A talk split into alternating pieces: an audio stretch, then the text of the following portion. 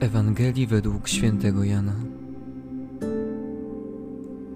Jezus powiedział do Żydów, którzy mu uwierzyli: Jeżeli trwacie w nauce mojej, jesteście prawdziwie moimi uczniami i poznacie prawdę, a prawda was wyzwoli.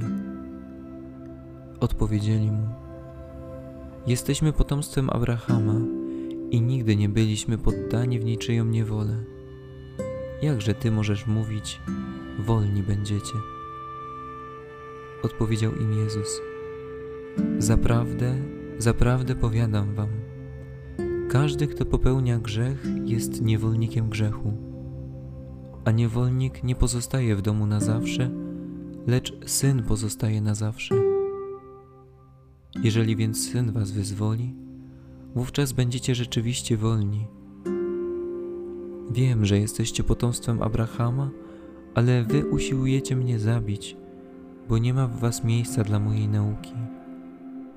Co ja widziałem u mego ojca, to głoszę. Wy czyńcie to, co usłyszeliście od waszego ojca.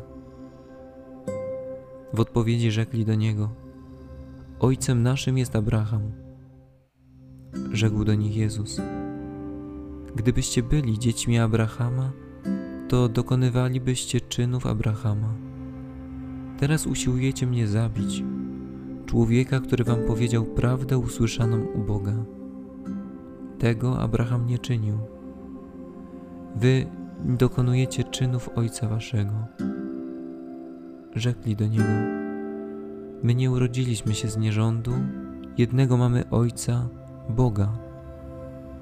Rzekł do nich Jezus: Gdyby Bóg był waszym ojcem, to i mnie byście miłowali. Ja bowiem od Boga wyszedłem i przychodzę. Nie wyszedłem sam od siebie, lecz On mnie posłał.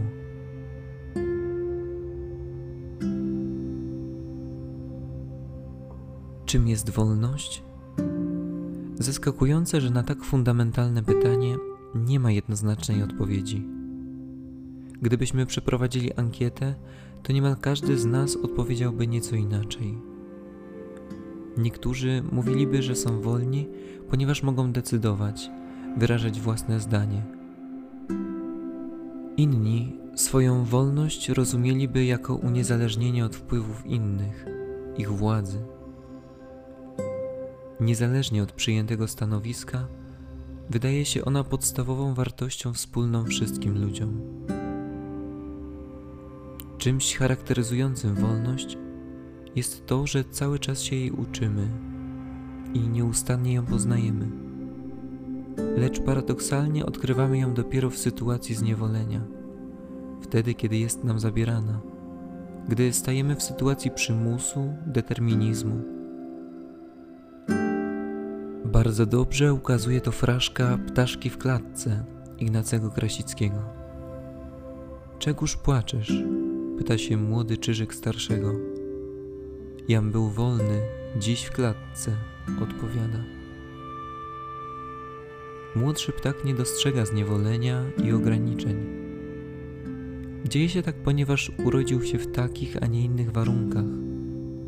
Nie miał możliwości poznania, czym jest nieograniczona przestrzeń. Podobnie i Żydzi w czasach Jezusa nie dostrzegali tego, jak bardzo są skrępowani że nie ma w nich miejsca na nową jakość wolności, którą daje Jezus. Także i po dwóch tysiącach lat żyje wielu ludzi, którzy nie chcą być wolni. Jezus pragnie dla nas autentycznej wolności. Udowadnia to w najbardziej heroiczny sposób, umierając na krzyżu. Ten sposób wyzwala nas spod najokrutniejszej niewoli, niewoli grzechu.